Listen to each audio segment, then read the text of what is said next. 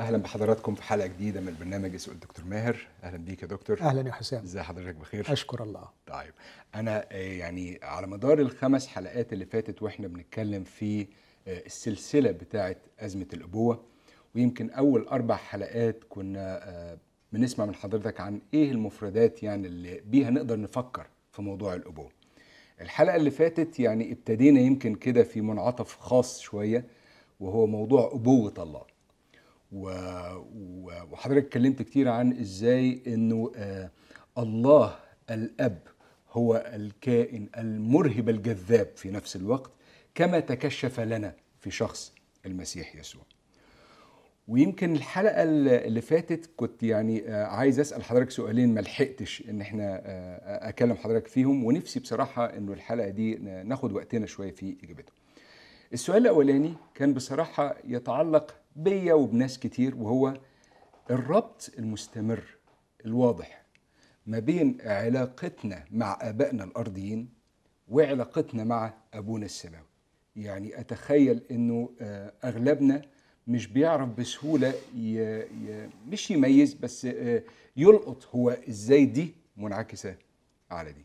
والسؤال الثاني اللي أتمنى يعني الوقت يسمح المرة دي بقى إن إحنا نتناقش فيه هو العبارة اللي يسوع كان بيقولها للتلاميذ قبل ما يذهب إلى الصليب وهو بيقول لا أترككم يتامى. هو هو إيه نوعية الأبوة اللي هو عبر عنها آه، وعلمها ودوقها لتلاميذه وبالتالي لو هو مشي هيبقى كأنه سايبهم آه، يتامى. وهل فعلا بقى بعد ما مشي يعني آه، هم فقدوا الحاجات دي خلاص يعني كأنها كانت خبرة محدودة وخلصت ولا لكن أرجع للسؤال ال- الأولاني. هل في علاقة فعلا كما يبدو لنا ما بين علاقتنا بآبائنا الأرضيين وعلاقتنا بأبونا السماوي أكيد يا حسام يعني في عالم مثالي أو إذا توفرت الظروف المثالية ينبغي أن أكون أنا كأب أعطي أبنائي المعنى الأول للأبوة مم. وبالتالي آه، أكون أول من يضع آه، أو أكون أضع أول حجر أساس في فهمهم لأبوة الله. فالمفروض إني أمثل الله امثل الله بسبب آه، إنسانيتي وده ملهوش دعوة بالأبوة. مجرد إن أنا إنسان نعمل الإنسان على صورتنا كشبهنا فالإنسان يحقق إنسانيته ووظيفته العظمى في الأرض هي أن يمثل الله. آه، فإذا صرت ابا فهنا بدخل لمنعطف جديد جميل وعظيم هو أن أمثل الله في أبوته لابني. وأن أمثل الله في أبوته لابني هو أن أعيش معه هذا المزيج من ال- الحب والصرامة هذا المزيج من الرهبة والجاذبية هذا المزيج من الحنان ال- ال- الحنان الغامر وأيضا القيادة الحكيمة لكي أوجهه إلى ما فيه خيره. المفروض ان أنا أكون قريبا جدا منه م- يعني محيطا به ومحاطا علما بكل ما يجري بداخله وأسرع لنجدته في نفس الوقت. أدفعه لاستكشاف الحياة ولمواجهة صعوباتها. أهذب وأعلم وأسدد احتياجات وأؤدب وأعاقب. في كل هذه القصة أكون ممثلا آه، لأبوة الله. غيابي عنه غيابا حرفيا أو غياب معنوي يؤثر على فهم ابني لأبوة الله وصورة الله. يعني أنا سعيد إن حضرتك انطلقت في ال... في الكلام من النقطة بتاعت إنه في عالم مثالي. نعم. يعني اللي حضرتك بتقوله فعلا رائع وجميل جدا و... و... ومؤمن جدا بحقيقيته ولكن في عالمنا الواقعي آه، مش عارف قد إيه متحقق الكلام ده. أغلبنا كآباء بنعاني أساسا في مسألة إن إحنا نكون آه، آه، بصورة الله اللي حضرتك بتتكلم عليها إن إحنا نكون إنسان آه، زي ما نتمنى إن إحنا نعمل كده. وبالتالي في أثناء صراعنا إحنا أولادنا مش بياخدوا منا كتير. يعني أولادنا مش بيشوفوا فينا النموذج اللي حضرتك بتتكلم عليه. لا أعبر عن ال- الحنان ولا أعبر عن الرهبة الجذابة ولا أعبر عن السلطة الخادمة ولا أغلب الوقت لو أنا بعبر عن السلطة فأنا السلطة الجامحة الطاغية. لو أنا بعبر عن الحنان هيبقى الحنان المسرف اللي ما فيهوش وجه التأديب.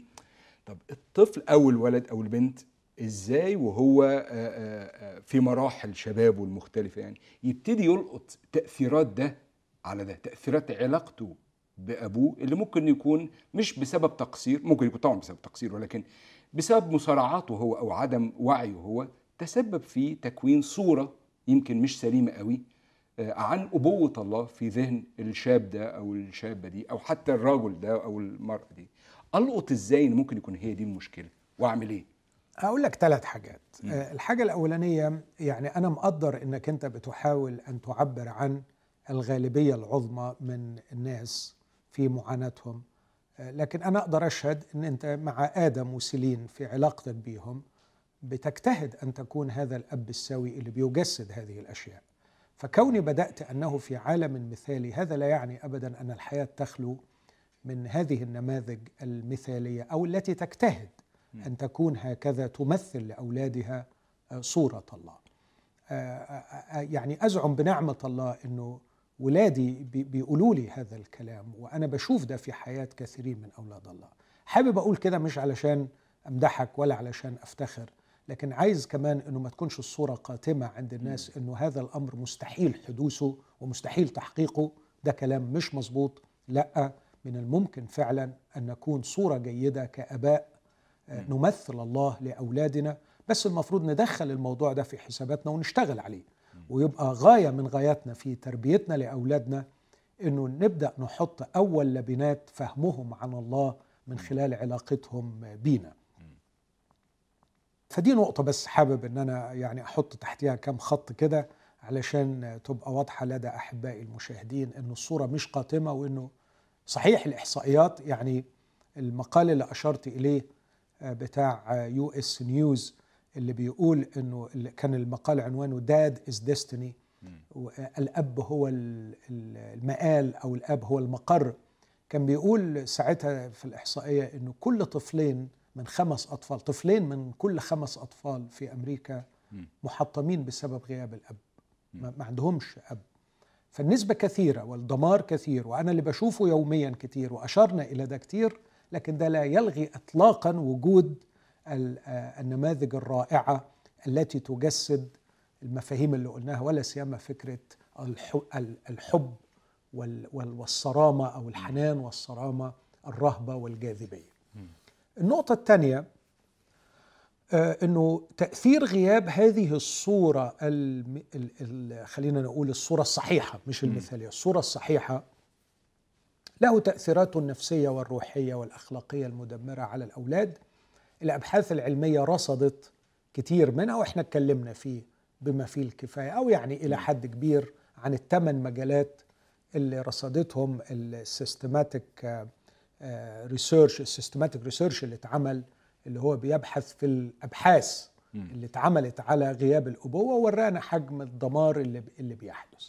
لكن في psychiatrist مهم قوي اسمه بول فيتس بول فيتس عمل كتاب سماه The Faith of the Fatherless إيمان من حرموا من الأب. والحقيقة عمل آه، في الكتاب ده آه، يعني كتب أفكار كتيرة لكن من أهم الأفكار إنه عمل دراسة على أشهر 13 ملحد في التاريخ. آه، وشاف نظرتهم لله. وأثبت بالبرهان إن ال 13 بدون استثناء واحد كانوا محرومين من الأب. إما لفساد الأب وغيابه أو للحرمان ال- ال- الحقيقي منه بسبب اليتم ومثلا كان من أكثر الحاجات الشيقة بالنسبة لي لما درست علاقة فرويد بأبوه ولما درست علاقة نيتشه بأبوه فيورباخ أبو الالحاد اللاهوتي المعاصر يعني أول من كان لاهوتي ثم ذهب في طريق الالحاد كل دول بسبب غياب الأب وبسبب هذه هذا الفشل في غياب الأب. فبول فيتس بالنظرية بتاعته دي سماها defeated father أو الأباء الهاربين من ميدان المعركة ميدان معركة الأبوة. آه، أثبت آه، بأنه آه، غياب الأب السوي الصحيح يؤثر على صورة الله في ذهن البنت أو الولد للدرجة التي تقود للإلحاد أحيانا. فده من من جانب تاني بأكد ال- الفكرة دي. آه، الولاد يعملوا إيه؟ آه، خليني أقول آه، يعني اسمح لي أشارك بشيء شخصي. أنا زي ما أشرت لك في وقت من حياتي خصوصا في مرحلة المراهقة كنت يعني عاشق للعب واللهو ومش مهتم ابدا بدروسي. وكان دايما في علاقتي بأبويا هو علاقة الولد اللي عمره ما هيحصل على الفاليديشن أو اللي هو المصادقة مم. من أبيه يعني آه، كان مجدي أخويا شاطر وكان دايما بابا يروح المدرسة لمجدي علشان ياخد يستلم الجوائز بتاعته مم. ويروح لي أنا المدرسة عشان أعمل مشاكل في المدرسة فكان دايما عندي هذا الإحساس العميق إنه عمري ما هرضي بابا بابا مش هيرضى عني anyways مم. مش راضي عني في درجاتي الدراسية مش راضي عني في طريقة مصاريفي مش راضي عني في نوع أصحابي مش راضي عني في حياتي ال- الدينية أو الروحية. أنا فوجئت بعد سنوات طويلة في علاقتي بالله إني دايما بقترب إلى الله أقترب إلى شخص مستحيل إرضائه. وده كان تعبني جدا لفترة طويلة في حياتي مع الله إنه أول ما أبدأ أرفع قلبي للرب ال ال الإحساس اللي بيغمرني دون أن أدري هو آه، أنا قربت للشخص اللي يعني مكسوف. خجلان آه، عارف إنه مش هرضيه عارف إن أنا مقصر مم. ف- فأبدأ دائما حتى بطلب الغفران وأنا مش عارف إيه الأخطاء اللي أنا عاملها مش عارف أنا بغل... أنا غلطت في إيه أنا غلطت في إيه لمجرد بس علشان أريح. آه، ضميري و- وكاني بعتذر طبعا ده إحساس قاسي ويعطل العلاقة مع الله يعطل العلاقة مع الله آه، من إنه إنه يمنعني من الاستمتاع بأبوة الله. آه، مش يمنعني يحرمني منها لكن. يمنعني من الاستمتاع. بها آه، لغاية ما أقدر أقول إنه بيحدث التكشف بيحدث الإعلان الإلهي مم. وإحنا اتكلمنا المرة اللي فاتت عن حتمية التكشف الإلهي ورفضنا مبدأ آه، توفيق الحكيم أنه لا يتكشف إلا لعباده الصالحين. لعباده الصالحين. وعارف هو في في بعديها على طول كان بيقول له إنه هيتكشف لك إذا ظفرت بمثقال ذرة من محبته. مم. بس هو مش هيظهر آه، محبته إلا للصالحين. آه، ف- يعني قد إيه الكلام ده بينشئ في قلبي ألم على ال- العقول التي تتشكل بهذا الفكر. أنا مشتاق قوي إني آخذ من حبه وأنهل من هذا النبع الذي سيروي أعمق احتياجاتي لكني لست صالحا لست من عبادي الصالحين. فحتى مثقال ذرة من محبته آه، مش مش هنعم بيه يعني. لكن جه المسيح يسوع علشان يهدم الفكر ده يقول لا الله سيعطي محبته للخطاة الآثمين. ونحن بعد خطاة الله بين محبته لنا. إذ ونحن بعد خطاة مات المسيح. لأجلنا. فروعة الإعلان المسيحي بينسف الفكر ده. إنه أب يصعب ارضائه أب لابد أن تصل إلى درجات معينة من الصلاح لكي ترضيه. المسيح يسوع جاء ليقول أنه أب يحب الخطأ يحب ابنه الخاطئ الراجع برائحة الخنازير طالما أنه يشعر باحتياجه لأبيه ولم يؤجل الحضن حتى يستحم الابن. الأب احتضنه وهو في رائحته النتنة وهو في واقعه المؤلم وغطاه بالقبلات وهو في قذارته. هذا هو الإعلان المسيحي في عمقه وفي سموه وفي رقيه. لا ينتظرني أن أكون صالحا لكن حضنه هو الذي يصيرني صالحا. اختبائي في حضن أبي هو الذي يفطمني عن الملذات والشهوات والدنايا والقذورات. ف فعندما أنهل من حضن أبي وأشبع منه سأتعفف. عن الباقي ولن أضيع ولن آه، آه، أخرج باحثا عن خرنوب تأكله الخنازير فيبقى هنا الإعلان. ولاحظ أنه في الإيمان المسيحي أن الإعلان يظل يلازمك طول العمر وتظل تحتاج إليه طول العمر فأدي لك مثلا آية ولا آيتين لما الرب يسوع كانوا التلاميذ اوريدي تلاميذه وماشيين معاه وبعدين وهم ماشيين معاه المسيح تهلل بالروح وهو بيبص على خبرتهم آه، الروحية. فقال للآب أحمدك أيها الآب رب السماء والأرض لأنك أخفيت هذه عن الحكماء والفهماء وأعلنتها للأطفال أعلنتها للأطفال. فهو بيقول إن الآب بيعلن بيعلن عن ذاته. وفي نهاية حياة المسيح على الأرض كان سر شبعه وفرحه وبيقول له العمل الذي أعطيتني لأعمل قد أكملته. إيه هو العمل ده؟ أنا أظهرت اسمك للناس الذين أعطيتني من العالم وهم قبلوا وعلموا يقينا أني من عندك قد خرجت. ففهموا الرسالة وفهموا إن الله أب. صحيح استمتعوا بها بعد ما جاء روح التبني لكن على الأقل تغيرت صورة الله في أذهانهم من خلال يسوع المسيح. وعندما تكشف الله لهم في شخص يسوع لدرجة إن يسوع يقول له يا فيلبس من رآني فقد رأى الآب. بعدين يقول عن الآب ومن الآن تعرفونه وقد رأيتموه. عرفوا الآب من خلال الابن يسوع المسيح. لكن بعد كده بولس بعد سنوات طويلة في الإيمان المسيحي يقول للفلبيين أنه فلنفتكر ذلك عينه. ما أدركناه لنفتكر ذلك يعني نسلك بحسب ما أدركناه. لكن إن افتكرتم شيئا بخلافه فالله سيعلن لكم هذا أيضا. سيعلن لكم هذا أيضا. آه لما آه يصلي الرسول من أجل إخواته في أفسس واحد يقول لهم أنا بصلي لكم أن يعطيكم روح الحكمة والإعلان في معرفته.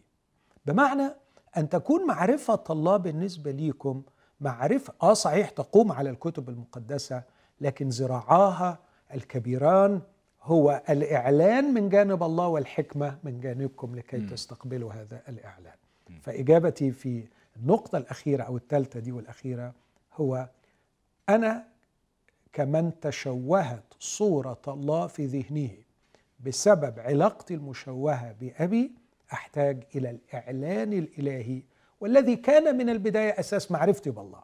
لكن الله مستعد أن يعطي مزيد من الإعلانات ليصحح هذه الصورة ويجعلني أرى الله على حقيقته. فالعلاقة مع أبويا بالطبع بتؤثر. يمكن تقديم أبوة سليمة نعم. وإن كان صعب ولكن المحاولة الجادة يمكن أن هي توفر نموذج للولاد وللبنات علشان يشوفوا صورة للأبوة تعبر فعلا عن أبوة الله وإنه العلاقة بتؤثر لدرجة إنه ممكن الشخص لو وصل له تصور ما عن أبوة الله من خلال أبوة أبوه الأرضي يعني والتصور ده كان مثلا هو تصور الأب الغائب أو تصور الأب الفاسد فممكن يصل بالولد والبنت إلى إنه يلحد بوجود هذا الأب لو هو ده الله فأنا مش عايزه يعني. نعم. و... وثالثا أنا فعلا عندي المشكلة دي وآه علاقتي بأبويا بتؤثر على طبيعة علاقتي بأبويا السماوي وال... وال... والحل أو الطريقة اللي يستشفي بها عقلي من هذا الأثر هو الإعلان. نعم. التعرض المستمر للإعلان والله الأب من أمانته بيعلن لينا. حضرتك وأنت بتتكلم يعني استخدمت كتير تشبيهات من المثل اللي عادة بيسمى مثل ابن الضال يعني. نعم. والحقيقة المثل ده مثل يعني آه مش كتير بنقف قدامه من وجهة نظر الأب. يعني عادة بنشوف إزاي الولد ده آه شاطر وتاب وشاطر ورجع مش مش دايما بنركز فهو دور الأب كان إيه في في المثل ده. معلش هل تسمح لي آه يعني أستوقفك كده بضع دقائق وتشرح لنا المثل؟ هو يسوع كان بيحاول يقدم لنا الأب إزاي في المثل ده؟ يعني أنا أستمتع إن أتكلم ده واسمح لي أنا وأنا بتكلم هنا إني يعني أستمتع أنا شخصيا شوية فمستعد إن أنا أتكلم فيه. بس اسمح لي أرجع حتة صغيرة وأنت بتلخص اللي أنا قلته قلت إنه فكرة إنه يوجد آباء يعني مثاليين أو مش مثاليين لكن يعني أصحاء ممكن وإن كان قلت كده إنه يستلزم مجهود. مش أنت قلت كده؟ صح. إنه عايزة مجهود وعايزة وعايزة جدية. وعايزة جدية. تركيز. آه عايزة عايزة إنه الأمر يبقى يستحق يستحق التعب. طب إيه المكافأة ليا اللي تخليني أتعب. إيه المكافأة؟ لو أنا قلتها في برنامج زي كده يا حسام المكافاه ليك إنك تموت وأنت أب حلو. وإنه آخر حاجة يقولوها عنك أولادك إنك كنت أب جميل تستحق أن تسمى ابا. عارف خايف إنه الناس تستقبل مني الكلمة دي على إنها كليشيه أو إنه يعني كلام ديني يعني. لكن الحقيقة الأسبوع ده أنا شفت documentary عن واحد اسمه انثوني بورديه انثوني بورديه ده مشهور قوي قوي في عالم ال CNN هو كان طباخ وطباخ مشهور جدا وكان يلف في بلاد العالم كلها والكاميرا وراه ويرجع يحكي وعمل كتاب مؤثر جدا اسمه Kitchen Confidential الكتاب ده كان best selling يعني في, في أماكن كتيرة والراجل أوباما راح كل معاه ومش عارف مين. الراجل ده انتحر الشهر اللي فات. فجايبين ناس قريبين منه بيحكوا عنه حاجات كتير. ميزة الراجل ده إنه ما كانش مجرد يعني ما كانش شخص سطحي. كان بيسموه حتى فيلسوف الشارع. ما كانش دارس فلسفة لكن كان بيتفلسف بعمق وبيبحث عن أسئلة رغم إنه عاش في المخدرات وعاش في الجنس وعاش وعاش بس أنا بس افتكرت القصة دي كلها عشان أقول لك حاجة. صاحبه بيقول كان أكتر شيء وجعه في الفترة الأخيرة وربما واحد من أسباب انتحاره إنه ما قدرش اطلاقا يبقى جود داد ما قدرش يكون أب كويس. فيلسوف الشارع اللي عاش في الجنس والمغامرات الرومانسية والجنسية والمخدرات ووصل إلى القمة في النجاحات المختلفة اللي, حققها اللي يحلم بها أي شخص عاش كئيبا في نهاية حياته وانتحر وكان واحدة من أسباب آلامه العميقة أنا ما قدرتش أبقى أب كويس. وبعدين صاحبه ده اللي بيقول الكلام ده قال أكتر مرة زعل مني وغضب عليا شتمني. وهو انت لما تشوف ال documentary بتاعه انتوني بورديه يعني لسانه وحش لسانه زفر يعني يشتم. لكن صاحبه بيقول أقصى شتيمة شتمني بيها بغضب رهيب قال لي you will never be a good dad.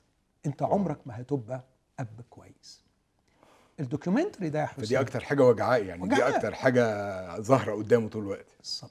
فصاحبه عايز يقول إن دي من شدة الوجع اللي كان عايش فيه اعتبرها أقصى شتيمة ممكن يشتمني بيها يقول لي أنت عمرك ما هتكون أب كويس. فأنا لما أقعد من من هذا المنبر يعني أصرخ وأقول يا جماعة إن إحنا نبقى أباء كويسين ده أمر يستحق المعاناة ويستحق التعب ويستحق إن إحنا نصرخ إلى الله ويستحق إن إحنا نتوب عن خطايانا ويستحق إنه الأب اللي بيهرج وبيدخل على المواقع الإباحية ولا الأب اللي بيروح يصاحب واحدة غير مراته ولا الأب اللي مهمل ولاده ولا ولا يعني أقول فوقوا فوقوا فوقوا وكفايه عبط وكفاية جهل وكفاية شر. هيجي عليكم يوم هيندموا حيث لا لا لا, لا ينفع الندم. هتندموا في آخر حياتكم لما عيالكم يبقوا ضاعوا وعيالكم راحوا وانت هتموت بحسرة إنك عمرك ما قدرت تكون أب جيد. بس حبيت إن أنا يعني آه، أربط ال documentary ده اللي شفته بال- بالموضوع بتاعنا وبعدين ممكن أجاوب على لا ويعني آه، هشارك برضه حضرتك بحاجة يعني بشعر بيها في أحيان وقول لي إذا كان ده آه، صحي ولا غير صحي يعني. أحيان كتيرة وأنا بقوم بدوري الأبوي ناحية أولادي بغلط كتير وبعمل آه، أفعال برجع أصنفها إنها حماقات وغلطات غبية. لكن في أوقات أخرى فعلا آه، بحاول أبقى بشكل انتشنال بشكل متعمد بقدم صورة معينة بالذات لما بيرتكبوا أخطاء كبيرة. فببقى عايز أتصرف بطريقة مشابهة للطريقة اللي المسيح بيتصرف بيها وعبر لينا عن ابوه الله من خلالها. الشعور اللي بيبقى جوايا بعديها بعد ما بعمل الفعل دي هي الموقف ده إن أنا فجأة يعني ساعات بقول لنفسي كده يعني كبرت يا حسين برافو. يعني بح- بحس. بحس إن أنا في اللحظة دي أنا كنت كبير. وفي أوقات تانية لما ببقى آه، بتصرف بحماقة بحس إن أنا أنا زي زي العيال على فكرة. Yeah. أنا بتصرف آه، بنفس الانفعال اللي الولد الصغير بي بي بيتصور بيه. فهل ده طبيعي؟ هل إحساس إن أنا كبرت ده إحساس صحي ولا ده نوع من أنواع ال- خلينا النرجسية يعني؟ مش نرجسية إطلاقا. خليني أقولها لك بلغة تاني. زي ما قلت بكل أعماق قلبي عن الألم الرهيب اللي عانى منه بورديه بسبب أنه معرفش يبقى جود داد أقدر أجزم وأقول لن لن تجد سعادة في الحياة يا حسام. قد السعادة اللي هتجنيها من نجاحك في أبواتك. يعني لا يوجد أتعس من فشل في أبوته ولا يوجد أسعد من من نجح في أبوته الحصاد اللي هتحصده من نجاح أبوتك في شيء في الدنيا يساويه. يعني لو ملكت الدنيا كلها وفاشل في أبوتك أنت تعيس. ولو نجحت في ابوتك واولادك فخورين بابوتك وبيعبروا لك عن آه، امتنانهم لهذا النوع من الأبوة آه، ده هيعمل لك إشباع ويحقق سعادة مفيش حاجة تاني في الدنيا تسويها شكرا ليك يا دكتور وأتخيل كمان إن بصراحة آه، لما بقوم بدور الأبوي أعتقد بيبقى في تفاهم أكتر مع ربنا صحيح. صح يعني صحيح. تخيل إن بتبتدي فجأة اللغة تبقى مشتركة طبعاً. المواقف مشابهة وبتش... لحد طبعا آه. مع فرق ال ال- صح. لا وكمان بتشعر إنك يعني إيه آه، صفيت جنبه زي ما بيقولوا صفيت حده. يعني يعني أنا أنا عايز أبقى أب. زيك وبالتالي أنا محتاج لك. عشان كده مثلا يقول لك صار أخنوخ مع الله بعد ما ولد متشالح. يعني أخنوخ العملاق ده الذي أخذ حيا بدأ مسيرته مع الله بعد ما ولد ابن يعني يبدو إنه بدأ يشعر بخطورة مهمة الأب. فراح صف جنب ربنا علشان يقدر يتعلم منه الأبوة الصحيحة. ينفع Please. نقرأ مع بعض أو على الأقل يعني آه، باختصار حضرتك تقول لنا بعض الملاحظات على مشكلتي إني ما بعرفش الاختصار لكن هجتهد. وبصراحة مش هضحك عليك أنا كمان ما بحبش الاختصار يعني. ولكن آه، أعتقد إنه نص من الضروري إن إحنا نبقى عدينا عليه في سلسلة آه، بنتكلم فيها عن هل حضرتك تحب نقرأ الجزء آه. كله أقرأه بسرعة شديدة وحضرتك آه، اتفضل. تحب تعلق؟ أوكي. آه الجزء ده من إنجيل لوقا إصحاح 15 من العدد 11 يقول كده وقال إنسان كان له ابنان فقال أصغرهما لأبيه يا أبي أعطني القسم الذي يصيبني من المال فقسم لهما معيشته. وبعد أيام ليست بكثيرة جمع الابن الأصغر كل شيء وسافر إلى كورة بعيدة وهناك بذر ماله بعيش مسرف. فلما أنفق كل شيء حدث جوع شديد في تلك الكورة فابتدأ يحتاج. فمضى والتصق بواحد من أهل تلك الكورة فأرسله إلى حقوله ليرعى خنازير. وكان يشتهي أن يملأ بطنه من الخرنوب الذي كانت الخنازير تأكله فلم يعطه أحد. فرجع إلى نفسه وقال كم من أجير لأبي يفضل عنه الخبز وأنا أهلك جوعا. أقوم وأذهب إلى أبي وأقول له يا أبي أخطأت إلى السماء وقدامك ولست مستحقا بعد أن ادعى لك ابنا. اجعلني كأحد أجراك. فقام وجاء إلى ابيه وإذ كان لم يزل بعيدا رآه أبوه فتحنن وركض ووقع على عنقه وقبله. فقال له الابن يا أبي أخطأت إلى السماء وقدامك ولست مستحقا بعد أن ادعى لك ابنا. فقال الأب لعبيده أخرجوا الحلة الأولى وألبسوه واجعلوا خاتما في يده وحذاء في رجليه وقدموا العجل المسمن واذبحوه فنأكل ونفرح لأن ابني هذا كان ميتا فعاش وكان ضالا فوجد فابتدأوا يفرحون وكان ابنه الأكبر في الحقل فلما جاء وقرب من البيت سمع صوت آلات طرب ورقصا فدعا واحدا من الغلمان وسأله ما عسى أن يكون هذا؟ فقال له أخوك جاء فذبح أبوك العجل المسمن لأنه قبله سالما. فغضب ولم يرد أن يدخل فخرج أبوه يطلب إليه. فأجاب وقال لأبيه ها أنا أخدمك سنين هذا عددها وقدت لم أتجاوز وصيتك وجديا لم تعطني قدت لأفرح مع أصدقائي. ولكن لما جاء ابنك هذا الذي أكل معيشتك مع الزواني ذبحت له العجل المسمن. فقال له يا ابني أنت معي في كل حين وكل ما لي فهو لك. ولكن كان ينبغي أن نفرح ونسر لأن أخاك هذا كان ميتا فعاش وكان ضالا فوجد رائع. أنا الحقيقة يعني ال- النموذج ده مش من الصعب إنه يرسم في بالي طبعا نموذج جميل لأب جميل. ولكن أنا بالذات كرجل شرق أوسطي بالنسبة لي النموذج ده نموذج لرجل ضعيف. نعم. نموذج لرجل معرفش في الأول يحسم القضية ومعرفش يصطدم بالولد الاصطدام اللائق من وجهة نظري لما رجع. و و ويبدو فعلا الأخ الكبير وكأنه آه، صحيح اتظلم. يعني إزاي ده يبقى بيتعامل زي ده؟ وفي الآخر الموقف مش باين فيه سطوة الأب أو آه، آه، قوته زي ما كان منتظر من أي أب شرق أوسطي. ويسوع بيتكلم برضه في الشرق الأوسط يعني مش بيتكلم في آه، القرن الواحد وعشرين في أمريكا يعني. ف إيه اللي يسوع كان بيحاول يقوله؟ حلو قوي يا حسام ال- السؤال ده كمدخل لفهم هذا المثل. أنا مش هشرح المثل ده من نواحي بقى لاهوتية وتفسيرية كتيرة لأنه مش ده مجالنا لكن هاخده من منظور بس الاغتراب. آه، لكن مبدئيا أتذكر في مرة عملت سيمينار عن المثل ده.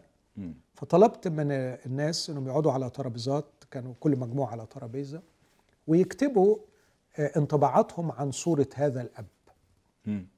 آه، والحقيقة كل الانطباعات اللي جات كانت سلبية مم. ما عرف يعني ما قدروش يكونوا صورة إيجابية قوي عن هذا الأب ف ف ف فدي جزئية مهمة آه، حابب أقولها من الناحية الثانية عايز أتخيل الكلام ده في في عمق الواقع الشرق أوسطي زي ما أنت قلت. آه، هل هل من الممكن أن يحدث هذا فعلا يعني هل ممكن نجد أب في الشرق الأوسط بهذا الحجم من الانفتاح. الفكري واللي هو عنده استعداد يمارس الأبوة آه، زي ما وصفناها إنه بيدي ابنه الفرصة to explore. الاستكشاف وإنه يروح ويستكشف ويعر... صعبة صعبة جدا يعني. عشان كده أقدر أجزم وأقول أن المسيح هنا كان يركب هذا المثل ليصف الحقيقة الإلهية ليصف حقيقة روحية. مم. ما نقدرش نفهم المثل بالاستقلال عنها. okay. فاهم قصدي؟ يعني لو خدت المثل على إنه قصة واقعية بحتة مم. صعب إنك تلاقيه. لو خدت القصة علشان تفهم منها صورة الله اللي موجودة في أذهاننا بالطبيعة مم. صعب تلاقيها في صورة هذا الأب فالأب هنا لا يمثل الله كما نتوقعه مم. والقصة نفسها لا تجدها في الواقع كما هي سجلت هنا. فعشان كده اللي يحل الإشكالية دي هو البعد الروحي اللي كان المسيح قصده لما ركب وألف وارتجل هذه القصة السؤال بقى هل كانت القصة تعبر تعبيرا دقيقا جدا جدا جدا فلسفيا ووجوديا عن حال الإنسان وحال الدين وحال البشر وت- وتصور بدقة شديدة ما يريد المسيح كشفه وتوصيله عن الحقيقة الإلهية؟ إجابتي نعم. يعني أرجو أنك تكون واخد بالك في النقطة دي. فالمسيح ركب وصاغ هذه القصة اللي ممكن ما تكونش متفقة مع الواقع قوي وممكن ما تكونش متفقة مع صورة الله في الأذهان قوي لكنها في الواقع تكشف الوجود الإنساني وتكشف الحقيقة الإلهية كما لا تكشفها قصة أخرى وده اللي هحاول أبينه دلوقتي. علشان أبينه دلوقتي محتاج أعمل خلفية سودة ليها وبعدين أوري لك القصة أوكي الخلفية مش هاخدها من فلاسفة كتير لكن اخدها من نجيب محفوظ مم. و- و- والفت نظرك لثلاث مراحل في في أدب نجيب محفوظ وفي طرحه للمعاناة الإنسانية. نجيب محفوظ قعد فترة طويلة قوي في الأربعينيات وبداية أدبه وبداية الخمسينيات يكتب آه، خلينا أجيب لك مثال الثلاثية. الثلاثية التي غاص فيها في الواقع المصري. قصة بديعة. تجسد لك معاناة البشر وألمهم المرأة المقهورة والزوج الماجن والابن اللي مش عارف إيه. لكن في قلب هذه المأساة التراجيدية اللي مليانة بالبؤس بقذارة الحارة و وتعب البشر ومعاناتهم وذل السلطة الإنجليزية آه، على الواقع المصري كان هناك شعاع نور كان هناك أمل كان هناك رجاء في الثورة كان هناك رجاء في تغيير هذا الواقع. فالأمل والحل سيأتي من خلال تحت من خلال الواقع المادي. حركة سياسية في المجتمع نفسه. بالظبط كده. مم. الاستقلال التام أو الموت الزؤام. اللي جايب لنا الكافية هي مشكلة سياسية. هنحل المشكلة السياسية كل الأمور هتتحل. هن هنقوم بالثورة ونغير الواقع هنبقى أسعد كائنات على وجه الأرض.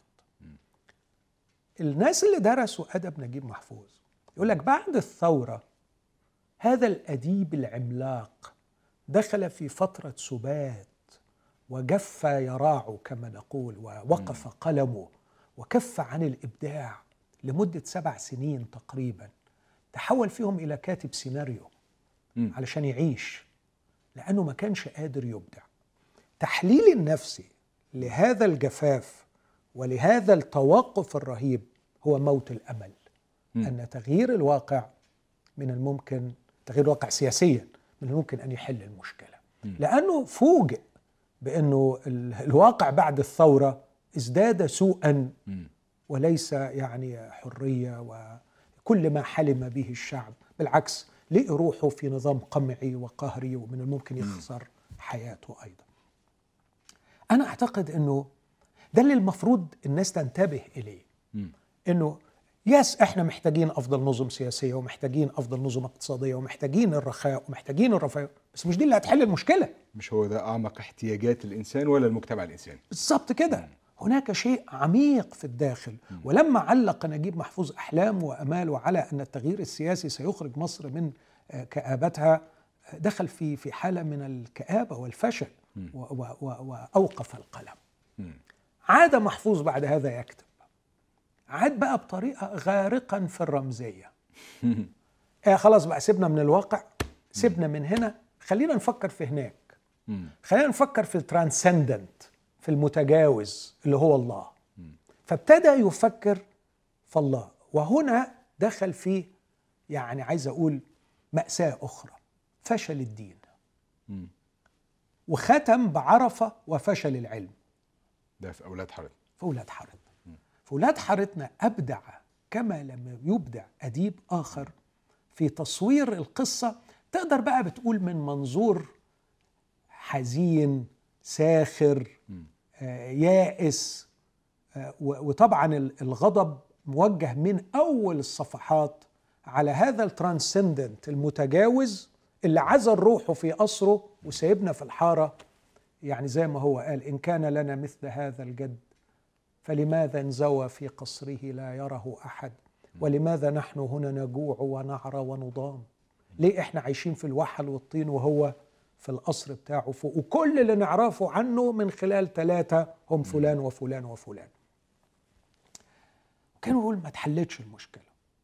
وبعدين أعتقد أنه ألقى بنظره نظرة سريعة إلى أوروبا.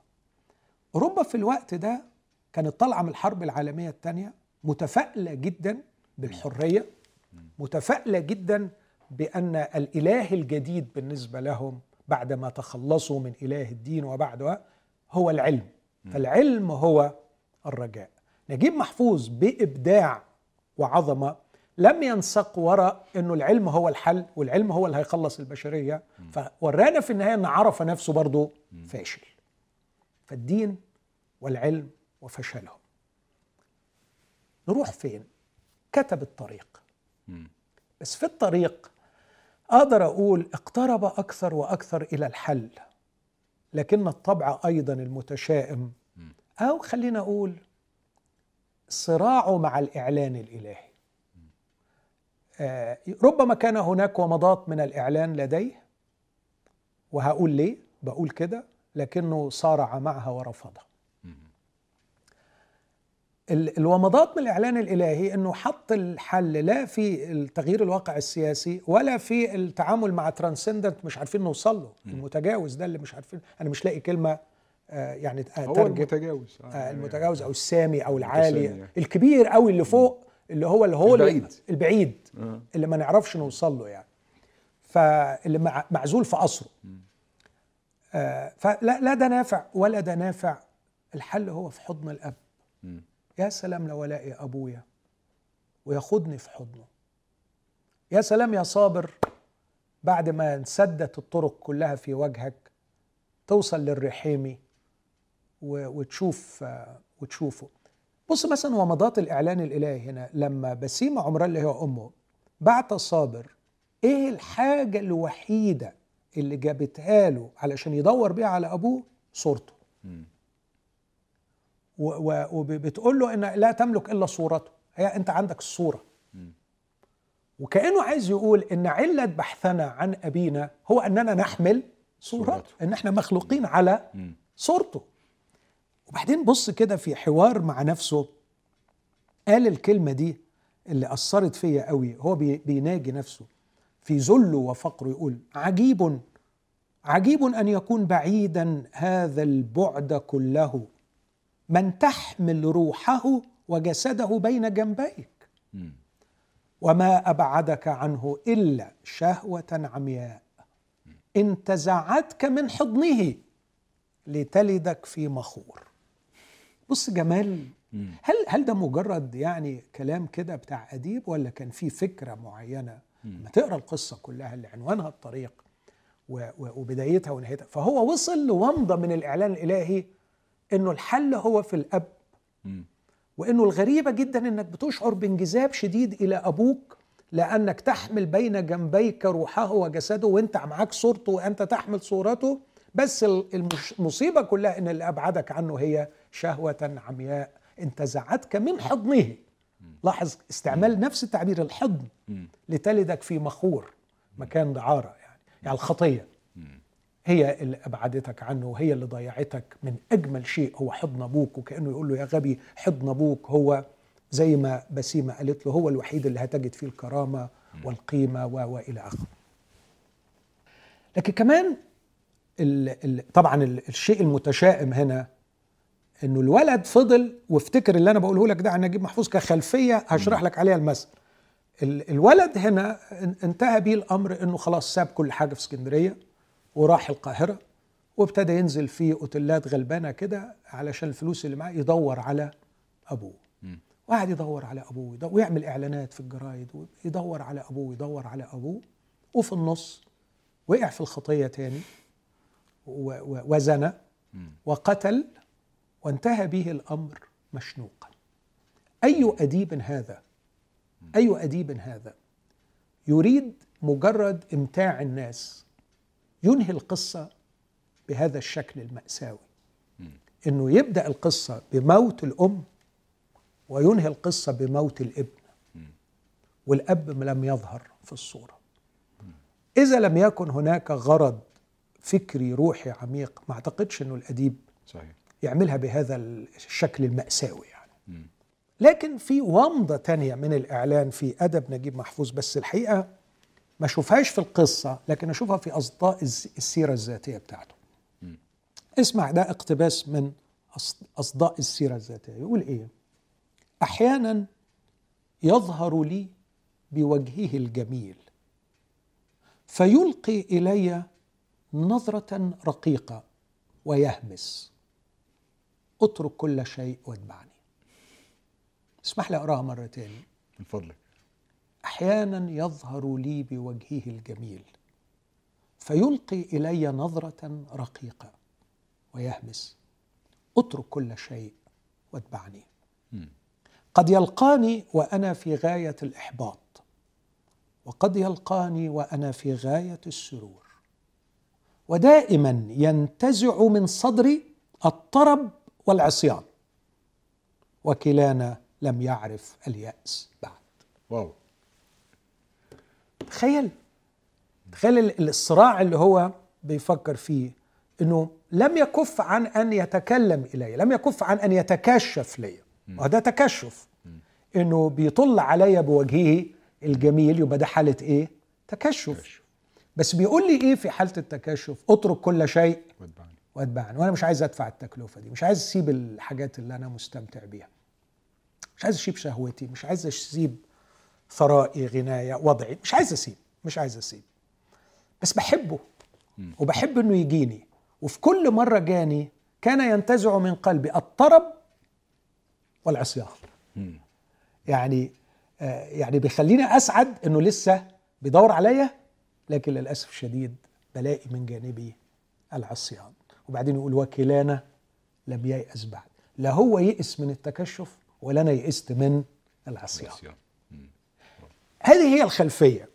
طب يا يعني يا, يا, يا أديبنا العظيم هتخلص على إيه؟ هتخلص على هذا العدم على هذا الألم على هذا الواقع المؤلم.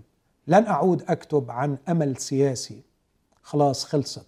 حققنا أكبر شيء وأجلينا الإنجليز ودينا في تعاستنا وفقرنا نتدهور. ولن أكتب عن الجبلاوي لأنه حتى عرفه جبلاوي مات أو خادم الجبلاوي مات وعرفه كمان مات. خادم الجبلاوي هو الدين. فلا الدين نافع ولا العلم نافع. طب وبحثي لوجودي أنا.